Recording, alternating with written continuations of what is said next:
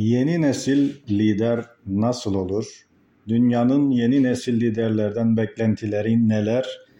Bunlara biraz kafa yoracak olursak İngilizce bir tabirle aklıma gelen çok sevdiğim bir laf vardır. Leadership is action not a position diye çok sevdiğim bu deyiş özetle liderlik bir pozisyon değil eylemdir diyor. Günümüzde liderlik pozisyonlarına getirilmenin pozisyona atanmak ile eşdeğer olduğu gibi bir algı vardır. Bu durum bence liderliğin önemini azaltıyor. Çünkü liderlik sadece bir yöneticilik pozisyonu değildir.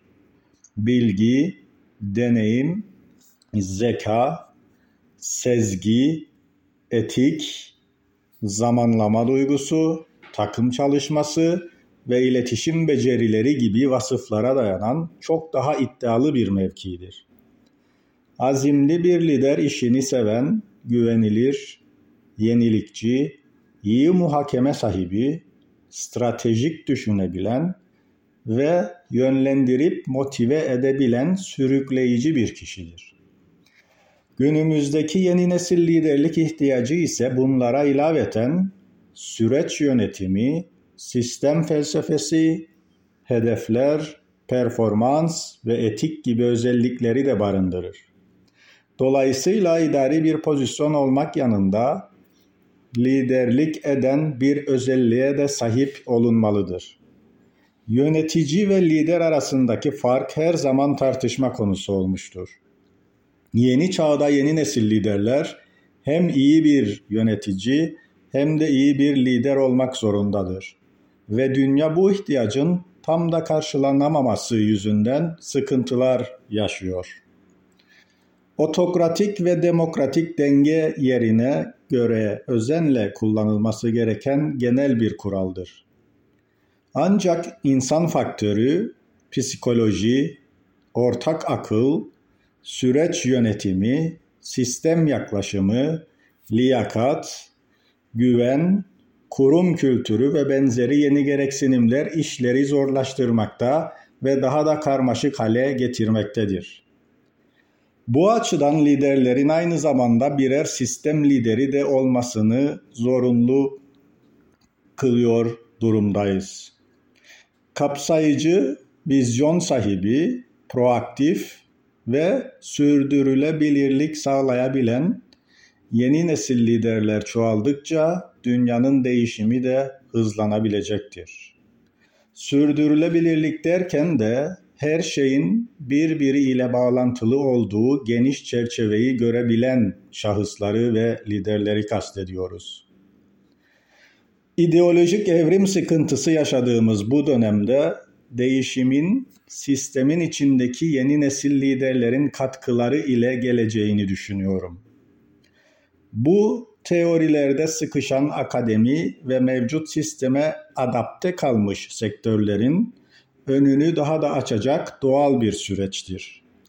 Bunun için daha bilinçli bir yaklaşım ile yeni nesil liderlerin teşvik edilmesini sağlamalıyız.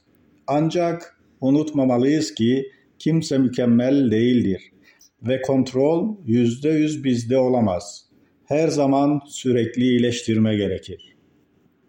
Bir diğer önemli husus ise liderlikte vizyon dilimizden düşmeyen vizyon kelimesinin tam olarak ne anlama geldiğini anlamak e, önemlidir. Liderlik ve bunun değişimi gerekenleri ve kuşağı konuları zamana göre değişkenlik gösteren olgulardır. Liderlikte iletişim, etik liderlik ihtiyacı ve yeni nesil liderlik gibi bazı konularda daha da açılımlar alt alta yapılabilir. Bu konuşmada popüler bir kelime olan vizyon hususu üzerinde durmak istiyorum. Vizyonu anlamak için temel iki ana hattı iyi anlamak gerekir. Amaç birliği derken amaç veya amaçların ne olduğu ve bunların birliğinin nasıl olması gerektiği önem kazanır. Öte yandan politika kelimesi ise çok daha geniş kapsamı olan farklı bir boyutu kapsamaktadır. Bu açıdan politika, vizyon ve amaç gibi yanlış kullanılan birçok ifade her türlü sektörde karşımıza çıkmaktadır. Vizyon en basit tabirle hayalimizdeki resimdir. Geleceğe dönük bir motivasyon barındırır. Bu resmin zihinde oluşabilmesi için önce var olmamız gerekir. Var olmamızın nedenini benimsememiz gerekir ve bu da bizi hayata karşı genel bir politika oluşturmaya iter. İşte bu politika esasında genel çatıyı oluşturur. Bunun altında oluşturduğumuz bir resim ise vizyonumuz olur.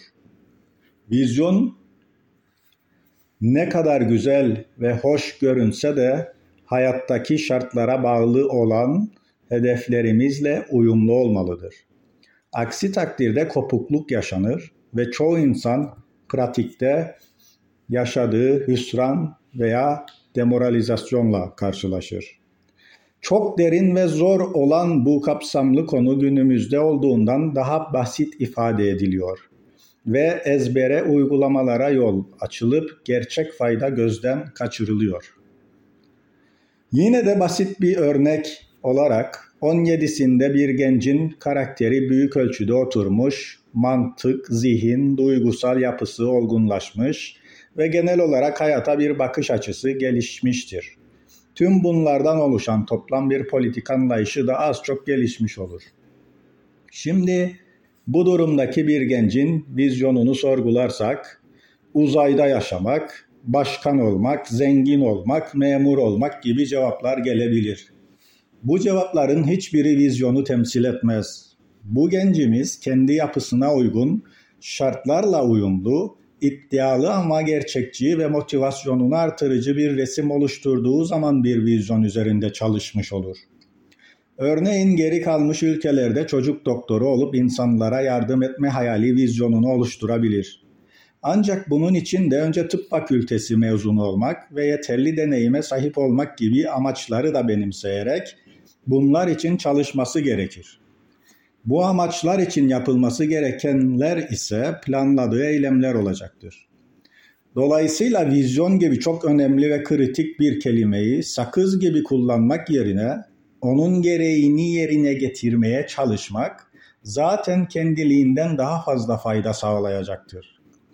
Liderler ise bahsedilen aşamalara hakim ve ehil bir şekilde vizyon oluşturduklarında amaç birliği sağlar ve başarıyı elde edebilirler. Aksi takdirde kulağa hoş gelecek bu kelime içi boş bir manadan öteye gitmez. Vizyon sahibi olunuz, vizyonunuza ulaşmak için planlı çalışınız, doğru hedeflerle yürüyünüz ama en önemlisi kim olduğunuzu unutmayınız. Yoksa bütün çatı başınıza sonunda yıkılabilir